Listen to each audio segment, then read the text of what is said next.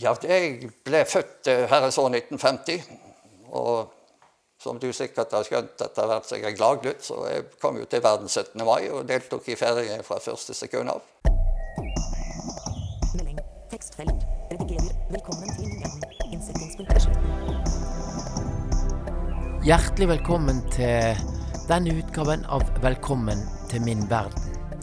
I dag skal du få møte Knut Odland fra Bergen.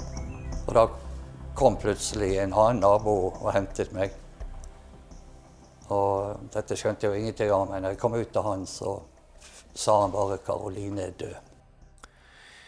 Den 10. mars 2019 opplevde Knut og Marianne Odland det ingen skal oppleve. De mistet sin eneste datter kun 28 år gammel, i en Boeing Max 8 flyulykke. Denne dagen så var Karoline Odland på vei til Nairobi i jobbsammenheng. Hun hadde startet sin egen hjelpeorganisasjon, SOMTO, der hun ønsket å hjelpe svake grupper i ulike afrikanske land. I dag så drives SOMTO videre som en eh, minnestiftelse for Karoline. Det er foreldrene som driver han, for å videreføre Karoline sitt ønske om å hjelpe. Ringer Knut Odland mobil.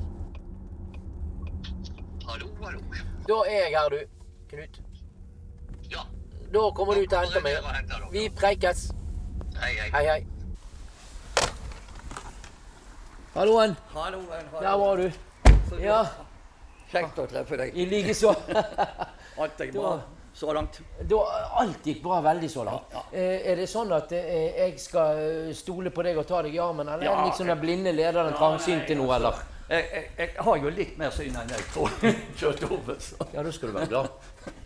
Ja, nei, jeg har under 5 virus, uh, visus, som det heter. Så det er jo ikke så mye det går på. Men Nei, i motsetning til deg, så har jeg nå gått den noen ganger. det har nå gått fint, dette her. Ja, kjære deg. Ja, ja, ja. Nå går vi rett i gangen her, og det er synd at du ikke ser, for vi har det jo veldig fint her nå. Ja, da må du fortelle. Jeg skal fortelle. Sto akkurat ute på terrassen og hørte på fuglesangen og sånne ting. Og så, så. Det er masse pippiper som sitter ute og synger pent til oss nå på denne tiden av året, vet du. Så.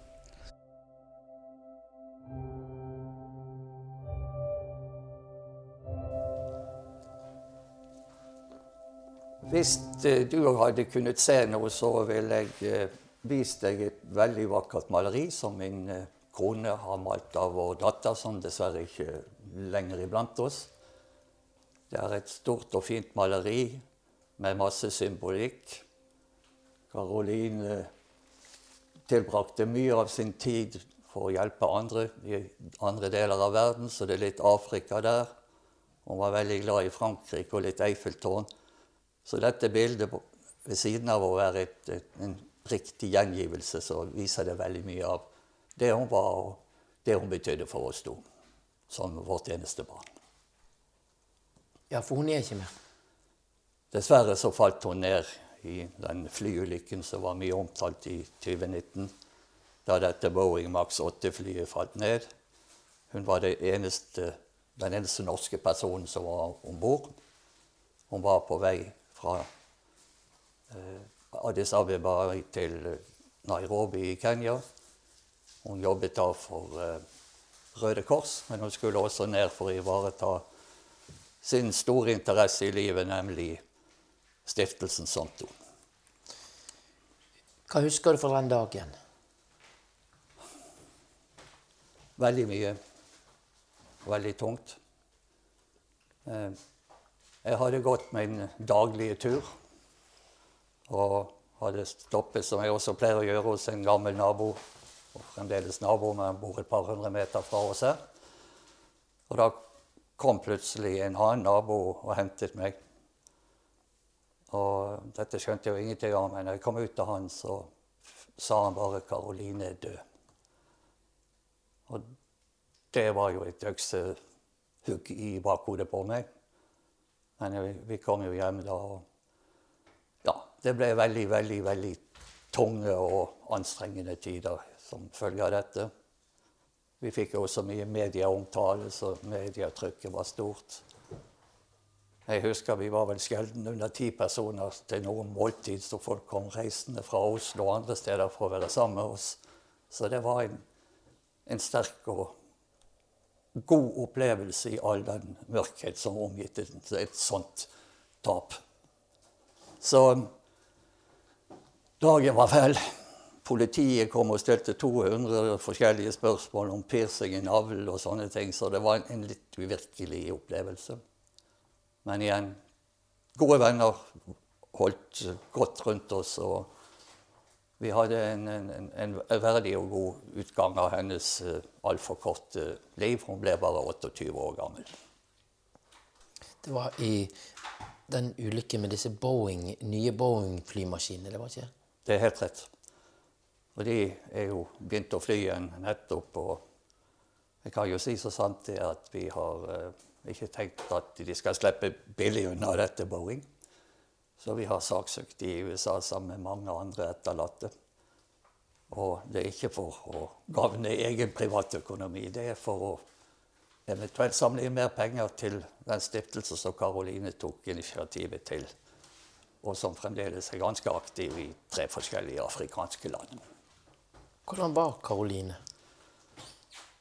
Veldig snill, veldig åpen, veldig inkluderende. Hadde en tid til alle, på en måte. Nesten utrolig hva han fikk tid til. Det var så vidt hun greide å unngå å komme for seg til siste fristen for å innlevere masteren på Handelshøyskolen. Fordi at hun var så glødende interessert i å, å hjelpe andre. Jeg kan ta veldig kort hvordan hennes eh, innretning på det hun gjorde i livet, ble som den ble. Etter ett år ute på Handelshøyskolen så reiste hun som såkalt intern til Kenya. Og ble da knyttet opp mot en skole som heter Child Rock, inn i en av de store slummene i, i, i den storbyen som heter Nairobi. Og der er det virkelig slum. Så det kultursjokket førte til at hun som egentlig var en vanlig studiene på Handelshøyskolen det første året, eh, med festing og tilhørende sosiale ting. Hun kom hjem og, og, egentlig fant ut at det livet var ikke det virkelige livet. Så hun eh, byttet ut ballkjolen med og sminkepungen med å orienterte seg på en annen måte. I forhold til orienterte seg på en annen måte, hva mener du? hun begynte rett og slett å, å, si at hun skulle gjøre godt for andre i verden. Og begynte egentlig et engasjement nedi der som heldigvis har ført til det vi har vært i stand til å gjøre. Hva tenker du om at det, det fantastiske hun gjorde for sine medmennesker, som ikke hadde noe, at det resulterte i noe så fælt? Det går ikke opp, kjenner jeg. Det går ikke opp. Og du kan stille spørsmål ved alt og finne noen form for rettferdighet eller sånne ting er jo en umulighet. Og i et uh, gudsperspektiv så kan man jo noen hver komme i tanker på om det er en gud som i tilfelle han er allmektig, ikke noen kan forstå i en sånn sammenheng. Men kjente du noe Hvor var Gud, og hvor er Gud? Det var veldig rart, akkurat dette. For uh, på grunn av hennes uh, dødsfall så hadde jeg jo mye med vår lokale prest. Vi hadde en fantastisk uh, minnegudstjeneste for henne i slutten av mars. Uh, og den presten støttet oss på en sånn måte at han var, var rett og slett en, en viktig en veldig viktig premiss for at vi kunne bearbeide sorgen og helt gjøre dette her. Det var en stappfull Selen kirke rett på andre siden av vannet vi sitter ved nå. Så det var en flott opplevelse med Tor Endresen og Rune Larsen og vår gode venn eh, Brudborg, som spilte horn fra Voss og sånne ting. Altså. Så det var, det var, en flott opplevelse. Men igjen, når du har ett barn, så skal ikke noen foreldre være nødt til å begrave de på den måten vi gjorde det. Nei, hva, hva tenker du i forhold til Gud? Er du sint på han? Har du mistet han? Har du Nei. fått han? Har du funnet han? Jeg er blitt styrket i min barnetro. Jeg er født og oppvokst i frikirkemiljøet, og jeg har aldri for så vidt gitt glipp på, på barnetroen min. Og jeg, det er så veldig rart etter at jeg begynte å reise ganske ofte til Afrika, det å se hvordan de forholder seg til gudetroen og sånne ting også. Så jeg har vært engasjert mer i kirkelige aktiviteter i, i Kenya enn jeg har vært i Norge de siste årene. Men eh, jeg tror at min, min, tro på at Gud eksisterer og sånne ting, er like sterk. Og Karolines engasjement var jo også grunnfestet i slik tro, selv om hennes engasjement var jo mer av altruistisk uh, karakter. Det var ikke noe sånn gudskall som gjorde at hun ville gjøre, bruke sitt liv til innsats for andre. Hun var flink å synge, den lyden har du fortsatt. Du som ikke ser og hører på YouTube og sånt om hun som synger. Eh, det er vel altså Maleri er én ting, og bilder og sånt, men det er vel et viktig eh, holdepunkt for deg? Det er et viktig holdepunkt, men fremdeles så blir jeg så følelsesmessig engasjert at eh, det er tåredryppende å høre på henne. Men eh, bare for å indikere prioriteringene til hennes. Hun var en sangfull og har sunget mange steder. På alle svømmestevner vi hadde i Bergen, så måtte hun synge Bergenssangen a cappello ved åpningen av disse her. I bunad, og det kan være varmt nok, det. Men eh, hun ble jo tilbudt å være med i alle korene de har på Handelshøyskolen, men hun valgte å stille opp i koret til biskop Havns kirke istedenfor. Kan jeg få høre noen synge? Det kan du helt sikkert.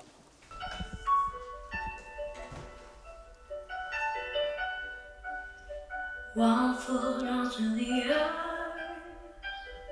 I hold my breath and try to believe. Can I look at you in different eyes,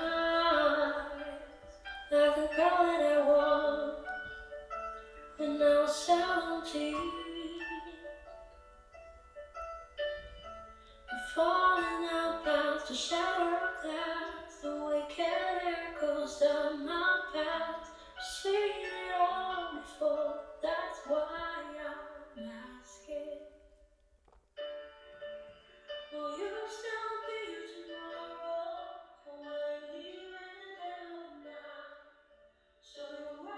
det er ganske, ganske spesielt, for å si det pent. Ja, for hun høres så levende ut. En uke før hun døde, så ble hun norgesmester i salsadans. Og her sitter vi. Uten all, med, med masse minner, men masse sorg også fremdeles. Det, Naturlig nok. Uff.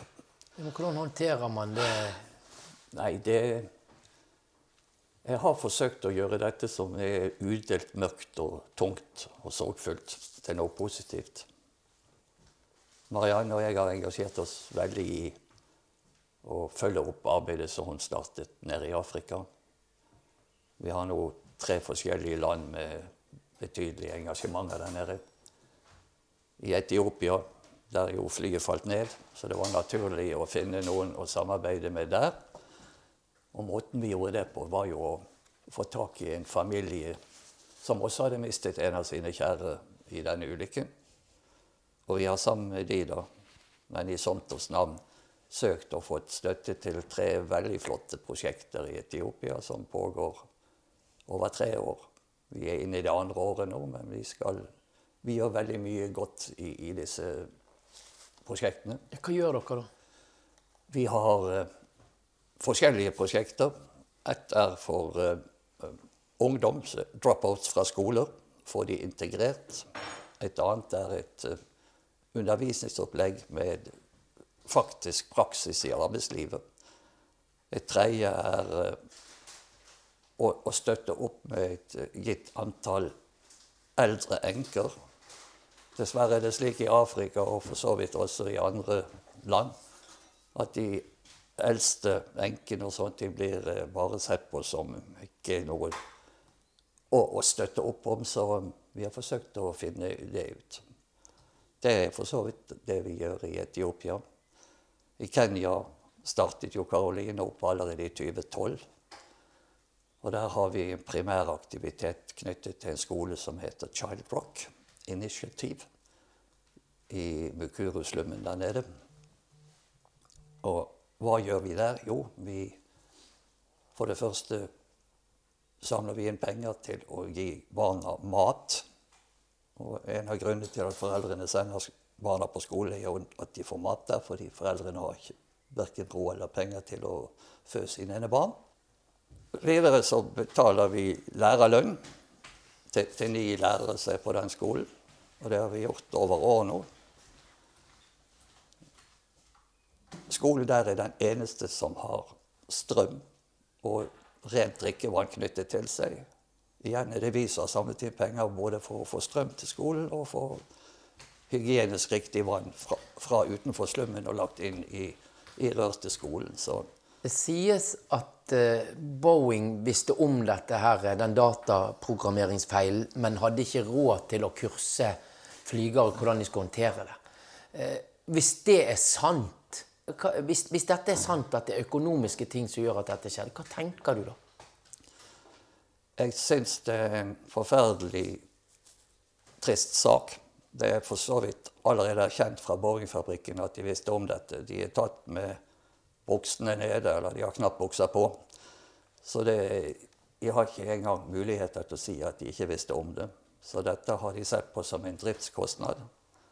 Og så sparker de sjefen og gir han 600 millioner kroner for å gå, og så mener de at da har de gjenopprettet sitt gode navn og rykte. Ikke i min verden, og ikke i mange andres verden heller.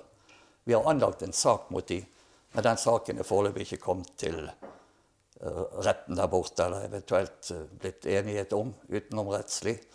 Så uh, foreløpig har ikke vi fått noen erstatning direkte fra Boeing. Men det, det håper vi på, for det skal gå til eh, stiftelsens arbeid.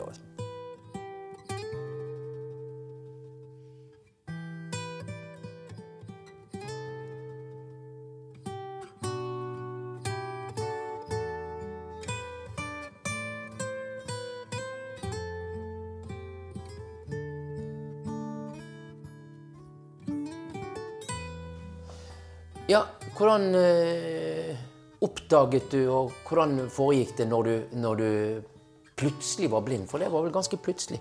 Det var en ganske sjokkartet opplevelse. Det var den andre jeg har av sorten. Den første var jo selvfølgelig Karolines bortgang. Så du ble blind etter hun hadde reist? Nei, jeg ble blind faktisk tilbake i år 2000. Og ja, for å memorere litt av hva som skjedde, så hadde jeg vært på vinterferie nede på en eller annen kanarisk øy. Og kom på, på jobben igjen eh, etter ferien og skulle sette meg ned med PC-en. Og der så jeg hun ikke noe til å lese.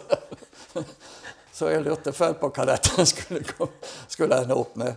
Så jeg satt nå der og fikk jo hjelp av noen eh, kolleger og, og andre sånn, til å komme gjennom den dagen. Og dagen etter så skulle jeg på jobb i Oslo.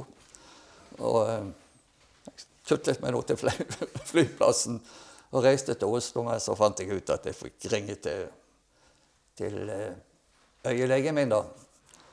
Og eh, så jeg ringte fra Oslo til henne og spurte hva skal jeg gjøre. Vibeke, Vibeke Kartvedt. Hun eh, gikk jeg i klasse med på gym, så hun kjente jo godt. Så fortalte jeg litt om hva, hvordan det sto med synet mitt, og så spurte hun bare Hvor er du hen? spurte hun. Nei, jeg møter møte i Oslo, jeg. Kom deg til flyplassen og kom hjem ned til meg med en gang, Så hun bare. Ja ja, tenkte jeg. Det var vel klar melding, så jeg tok meg tilbake til den gang Fornebu. Nei, var det Fornebu? Spiller ingen rolle. Jeg kom i hvert fall hjem med, med, med første fly og reiste ned til hennes kontor på Nesttun. Og ja, det første hun spurte var hvordan kom du ned her. Nei, kjørte bil, selvfølgelig. Så jeg Hæ, sa hun. Og det var siste gang jeg kjørte bil. Og du traff ingen gode venner på veien? Eh, eh, altså det, var, det, var, det var en Hva skal vi si Det var en traumatisk opplevelse. Så du da- kjørte bil med lappen, men uten syn? Ja, ja, ja.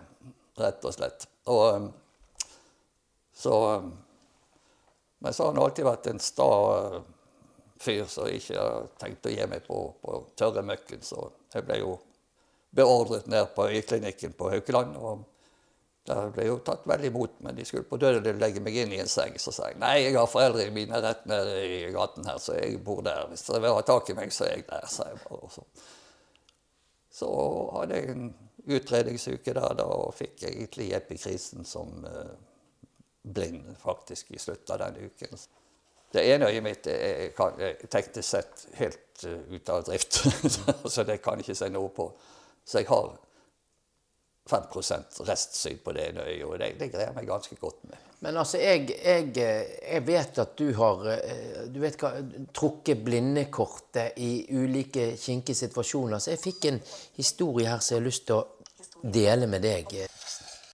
Nei, gode, gode catchy greier. Ja, nei, altså jeg kan jo fortelle om den uh, siste gangen vi var i Kenya, Knut Nøy, i Sonto-regi så så vi det på flyet når vi satt på flyet fra Nairobi til Schiphol, der vi skulle mellomlande, at det her kom ikke til å holde tidsmessig med flyet til, eh, til Bergen igjen derfra. For det, det, er bare en liten time eller noe før vi må, må finne den neste gaten og komme på flyet.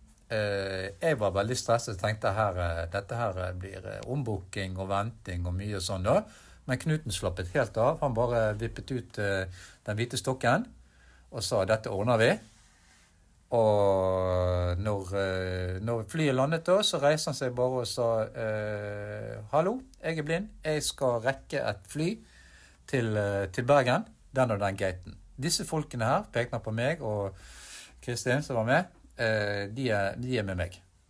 Og det bare durte gjennom hele flyplassen, kilometer på kilometer med, med, assistanse og nesten med blålys. Det var ikke blålys, men jeg følte det var litt sånn utrykning. Og vi rakk eh, flyet til Bergen, og jeg hadde aldri klart det på egen hånd. Så der var bare Knuten tok styringen. Dette ordner jeg. Hva søren? Hæ?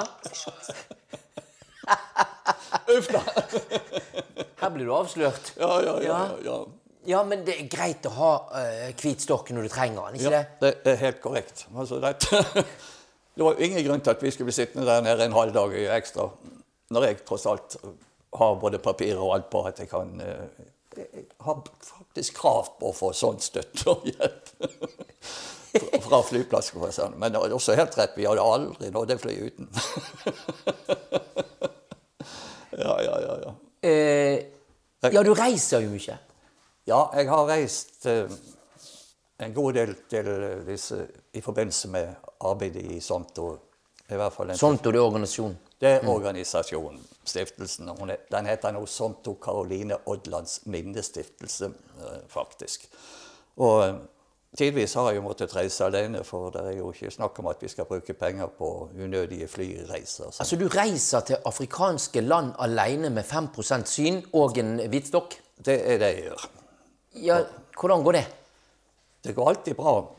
Særlig hvis du ikke er redd for å åpne munnen og be om hjelp hos de du måtte trenge det fra. Generelt sett så er det mye enklere å ta seg frem, etter min erfaring, i utenlandske store flyplasser enn det er i norske. Hvorfor det? For eh, hvis du ber om å få assistanse på en norsk flyplass, så blir du nesten sett på som der er noen som er litt utenfor og trenger hjelp og sånne ting. Mens i f.eks. i Afrika så blir du møtt med en helt annen form for varme. og De ønsker å hjelpe til, og de er langt mer forekommende og, og mer sosiale. Har du opplevd noe skikkelig hektisk, eh, kanskje litt dramatisk, som endte bra? Ja. Jeg kan jo komme på, på en historie. Jeg reiste alene et halvt år etter Karolines eh, fly falt ned, til eh, Etiopia. For jeg hadde forbannet meg på at jeg skulle se det stedet der dette flyet kom ned. Eh, dette ble jo ikke så positivt mottatt av de etiopiske myndigheter. Ei heller Etiopien, som var, opererte det flyet som falt ned. Og fordi at de ikke ville lage de, de, de, ville ikke at noen skulle komme og se på det store hølet der og finne sandaler og sånne ting, som jeg faktisk fant der ute. da. Fant Men da, greide jeg å eh, snike meg unna. Alle ventet på en mann med hvit stokk og sånne ting. Og skulle sørge for at jeg ikke gjorde dette. Men jeg bare snek meg ut og gikk som de vanlige passasjerene over til hotellet mitt. Med hvit stokk? Nei, nei, nei. nei. Du kan ikke bruke hvit stokk når du skal snike deg ut. Men hotellet ligger på flyplassen, så det var ikke noe heft. Og ved gode venners hjelp og sånne ting, så greide vi å ta oss ut til, til stedet dette var. Det jo ja, seks mil utenfor Addis. Så det var i det våte halvåret, så vi gikk og trasket, så det var strabasiøst. Men vi nådde frem, og jeg fikk dette stedet tatt i øyesyn. Og da vi kom ut der, så sto det jo væpnede vakter. Men da de hørte at jeg var faren til en av de som omkom, så fikk jeg jo lov til å komme inn og bese dette. Og jeg er glad for at jeg fikk det der til. Jeg vet ikke hva som stakk meg, men jeg bare hadde forbannet meg på at dette skulle jeg gjøre. og det gikk bra. Hva gjorde du der, da? Jeg hadde en stille stund for meg selv. Og en veldig sterk opplevelse like etterpå var når jeg kom ut igjen derfra. For da kom vi opp på, på en landevei, og der kom en av de ortodokse kristne prestene der og omfavnet meg. Og det var, det var ikke måte på. Det var følelsesmessig noe av det sterkeste jeg har opplevd. Så eh, dette var en, en utrolig god opplevelse.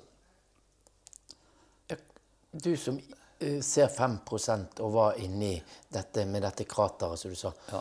Eh, hvordan, på hva slags måte opplevde du det stedet med dine sanser?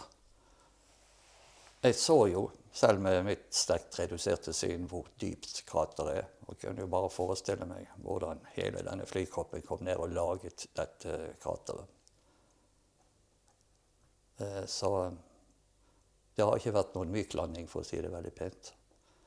Det andre som overrasket meg litt, var jo å se hvor mye skrot som lå fremdeles på stedet der. Rester av personlige eiendeler og masse ting. Så jeg skjønner godt at de ikke ville at jeg skulle komme og, og vise frem dette stedet, kanskje på, på bilder og i media i etterkant. Men eh, eh, jeg var jo tilbake igjen på årsdagen samme sted, og da hadde de jo jevnet ut hele hullet. Det var ikke noe der, og masse blomster og Hvor dypt var hullet? 15-20 meter, tenker jeg. Nedover i jorden? Og svært. Cirka så kanskje 100 meter langt. Hvorfor var det godt å se dette, på en måte? Være Fordi da har jeg vært der som hennes Karolines liv endte opp. Og jeg kan levende forestille meg at hun ikke valgte de som hadde panikk der, men at hun forsøkte å roe ned medpassasjerer i det flyet der, for det ville vært likt henne. Ja, å oppleve verden. Du har vært fullt seende, og så mistet du synet. Ja. Hvordan, hvordan opplever du verden? La meg si det sånn, overgangen var veldig konkret og brutal. Jeg kan eksemplifisere med å si at i 99, som var det første året før jeg fikk denne epikrisen, så jobbet jeg i 19 land. Så jeg var jo kontinuerlig på reise og hatt et veldig, veldig aktivt og omflakkende arbeidsliv som har brakt meg til mange flotte steder og alt dette her, så jeg har ikke noe å si på det. men liksom det som skjedde, det førte til at du som var vant med å nærmest løpe til flyplassen flere ganger i uken, egentlig på sett og vis måtte delvis slutte med dette. Det jeg nå tenker på, er at eh, jeg nektet vel å innse og ta inn over meg. Jeg var vel rett og slett en fornekter, som det heter, i de første årene. Jeg solgte f.eks. ikke bilen min før det var gått tre år. Sånn tilfelle? Sånn i tilfelle synet skulle dukke opp igjen. Men, så, eh, men dette har noen fortalt meg at dette er relativt vanlig forekommende. At, at folk liksom ikke, ikke greier å, å persipere og ta inn over seg at, at de rett og slett er blitt blind. Jeg jobber på som vanlig Jeg ble jo tilbudt å bli ufør. Det samme kom til Haukeland eh, den første dagen jeg fortalte om det i sted.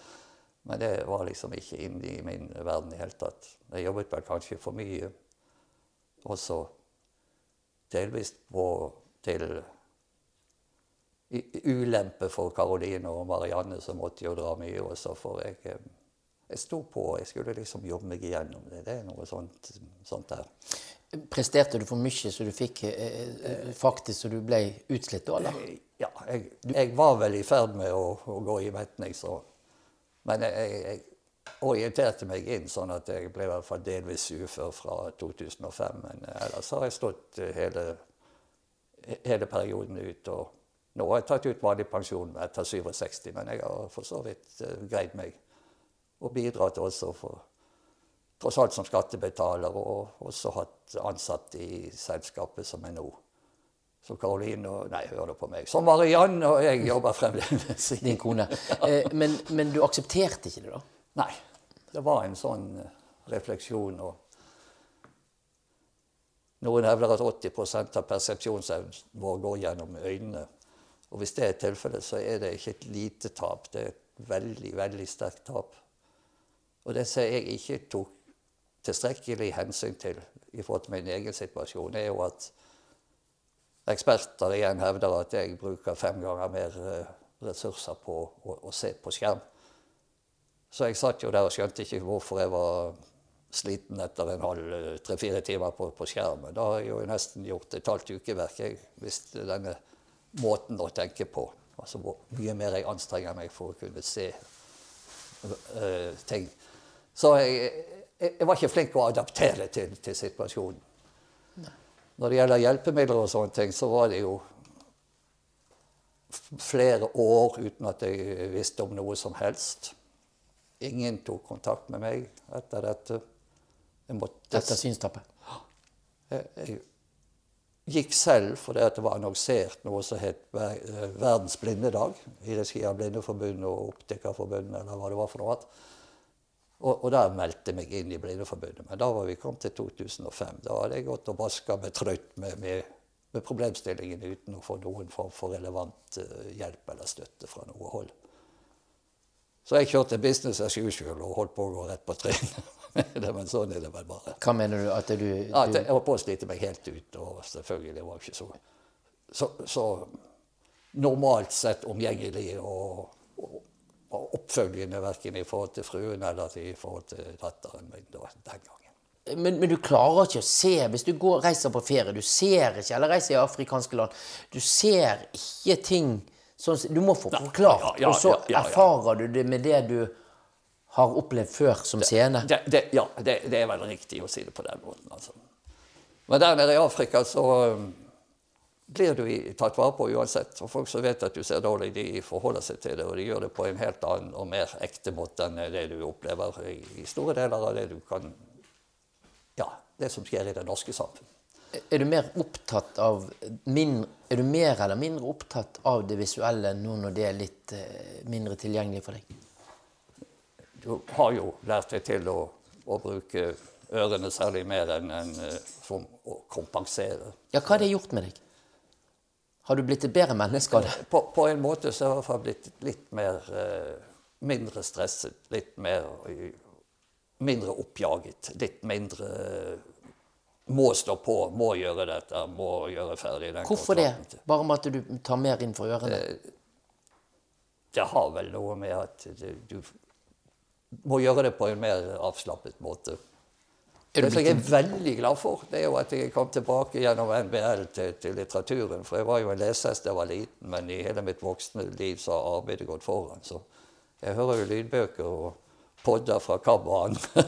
Ja, da må du høre på, på lydbøker fra KAB-biblioteket òg. Har du gjort det noen gang? Det har jeg, men jeg kommer vel via NBL, så jeg får det den veien. Ikke Nei, nei, unnskyld. unnskyld. Nei, nei, eh, Ja. Eh, Nei, men du, det er eh, det må, Er det noen fordeler med det å ha eh, til dels mistet synet? på en måte, hvis du greier å legge om stilen og være litt mindre på, på hugget hele tiden, så, så er det blitt en fordel. Men jeg tror det er mer alderen enn det synstapet som har gjort at jeg kanskje har lagt om stilen litt. Grann. Selv om det ikke hørtes sånn ut når Jostein forteller om opplevelser fra Skiphold. Men, men hvordan, hvordan, eh, hvordan eh, Hva opplever du på en måte som de største utfordringene for deg? Eh, Den største utfordringen er det for å, å rett og slett akseptere at nå er limitene satt sånn og sånn. Men jeg liker alltid å forsøke å tøye grenser. Jeg har ikke reist til Afrika hvis ikke jeg syns det er gøy å se om du fikser dette her. Det, det er fordi at jeg liker det. Og, og liker å, å se hvor mye jeg kan få til. Til tross for synstap, og ikke av det. for å si det sånn. Men er ikke det litt slitsomt at det det som, hvis det er en slags drivkraft for å reise og klare Ja, ting? nei, Drivkraften er å gjøre godt der nede i de landene så i, i de prosjektene vi snakker om. Det er jo det som er den primære drivkraften. Det er nok av de som ville kunne være med meg på tur, men jeg, jeg tar ikke noen med meg på tur fordi at jeg skal ha behov for en ledsager. Det, det er ikke sånn jeg tenker. Drømmer har det forandret seg etter du mistet synet? Jeg ser helt klare bilder i mine drømmer. Du er en seende. Jeg er en seende i drømmeverdenen min, ja. ikke det fantastisk? Det er for så vidt det. Og du skulle jo tro at det var en del av din integrerte personlighet, men jeg har ikke reflektert over dette siden, før du spurte om dette. Men jeg, jeg må si at jeg ser eh, rimelig klare eh, bilder av det som skjer i min drømmeverden. Hva er dette, eh, både synstap og tap av det umistelige Hvordan har det endret deg som menneske?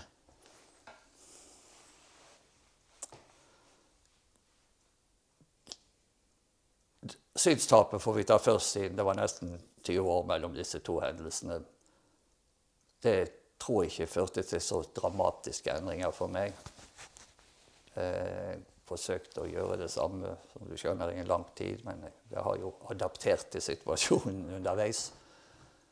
Eh, når det gjelder tapet av Karoline, så har det vel det reorientert min totale tilværelse og stilt spørsmål om hva som er viktig her i verden versus å, å kave eller gå etter mer materielle ting. Så jeg tror vi kan si at vi har lagt om stilen ganske kapitalt i forhold til hva som er de reelle verdier, og hva som er viktig å, å gjøre i en verden som er jo utsatt for all verdens uh, styggedom for tiden.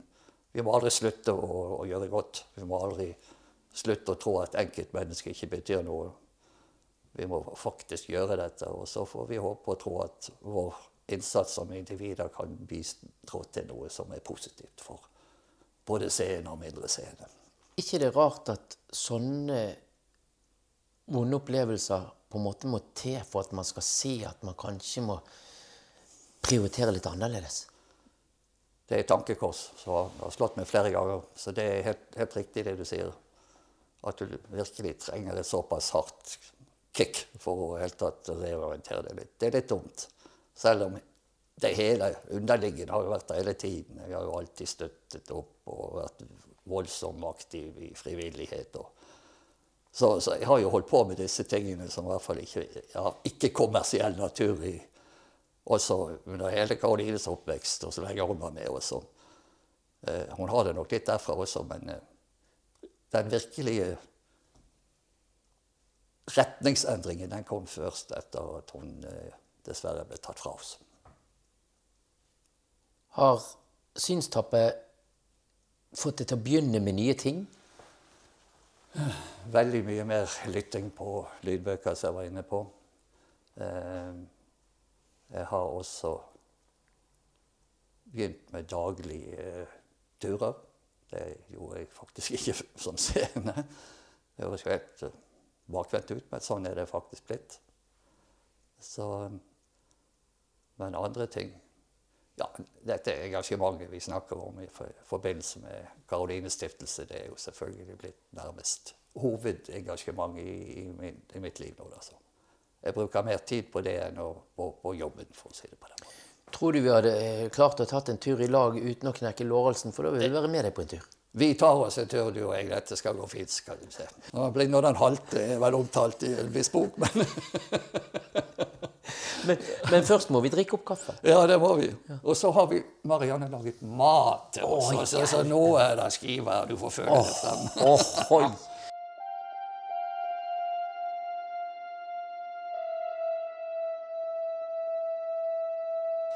Ja, ja, ja. Har du stokken med deg på tur, eller pleier ikke du det? Nei, jeg tar ikke den med. Du tar ikke den. Jeg er på hjemmebane nå, vet du. Har du tenkt å få deg hund? Førerhund? Nei, jeg tror ikke det. En av, en av grunnene til det, min venn, er vel at, at vi, Jeg tar henne sånn, jeg. Ja. vi Jeg reiser så mye, bl.a. i regi av, av stiftelsen vår. Sånn at det blir litt for vanskelig å ta hønen med oss. Så nå gikk vi ut rett fra leiligheten min, for nå er vi på oppsiden av der du kom inn her for en stund siden. Jeg er ikke helt trygg, men jeg tror nå at det, det skal gå greit. Det er sånn, man, må, man må ha troen. Troen Uten den så mister vi litt av fundamentet vårt, jo jeg. Hva gir det deg det å gå på tur? Hvorfor, begynte, hvorfor begynte du å gå på tur når du mistet synet? Rett og slett for å klargjøre mine egne tanker og mine egne prioriteringer. Samtidig så jeg må innrømme at jeg har stort sett en lydbok på, så jeg hører lydbok når jeg går på tur også. Du, eh, når du ikke ser knapt nok hånden foran deg, og så ørene skal til, tilsøles med annen lyd òg? Jeg bruker bare en, ene øreproppen, den andre må jeg høre på om det kommer biler og annen styggedom på veien. Hvor langt går du da? En liten times tid. Har 7-8 km. kilometer. Har du rotet det vekk? Ja, det har forekommet. Hva gjør du da? Da ringer jeg hjem til konemor, og hun har sporing på meg, så hun finner meg igjen. Hvordan det der fungerer det? Det får du spørre henne om. Hun har en GPS på meg. Så du, hun vet alltid, du kan ikke gjøre mye galt, du. altså, jeg kan ikke ha noen sånne venninner på sida, altså, for hun kan jo finne meg når som helst. vet du.